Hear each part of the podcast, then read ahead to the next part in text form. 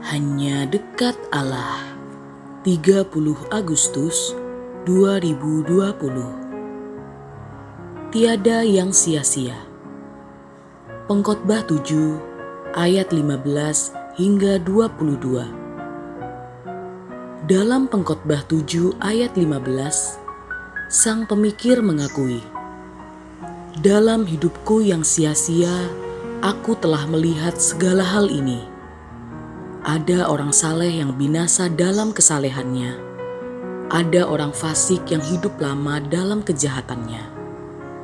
Dalam Alkitab Bahasa Indonesia masa kini tertera, Hidupku tak ada gunanya, tetapi selama hidupku itu kulihat yang berikut ini.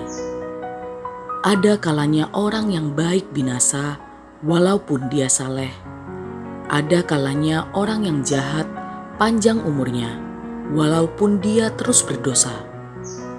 Sejatinya, itu jugalah yang ada dalam pikiran banyak orang yang beranggapan bahwa panjang umur itu berkat, sedangkan pendek umur itu musibah.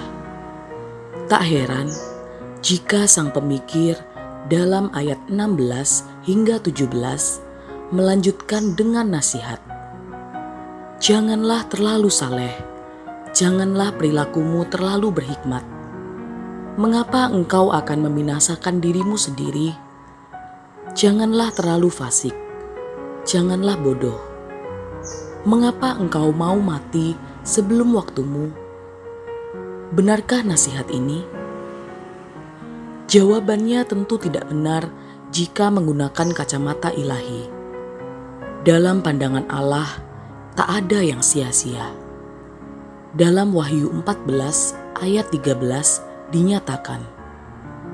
Dan aku mendengar suara dari sorga berkata, Tuliskan, berbahagialah orang-orang mati yang mati dalam Tuhan sejak sekarang ini.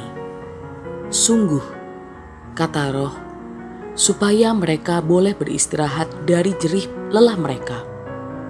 Karena segala perbuatan mereka menyertai mereka. Bahkan ketika orang saleh mati muda, kita bisa memahaminya sebagai anugerah. Hidup saleh merupakan keniscayaan bagi setiap orang yang mau hidup dalam Tuhan.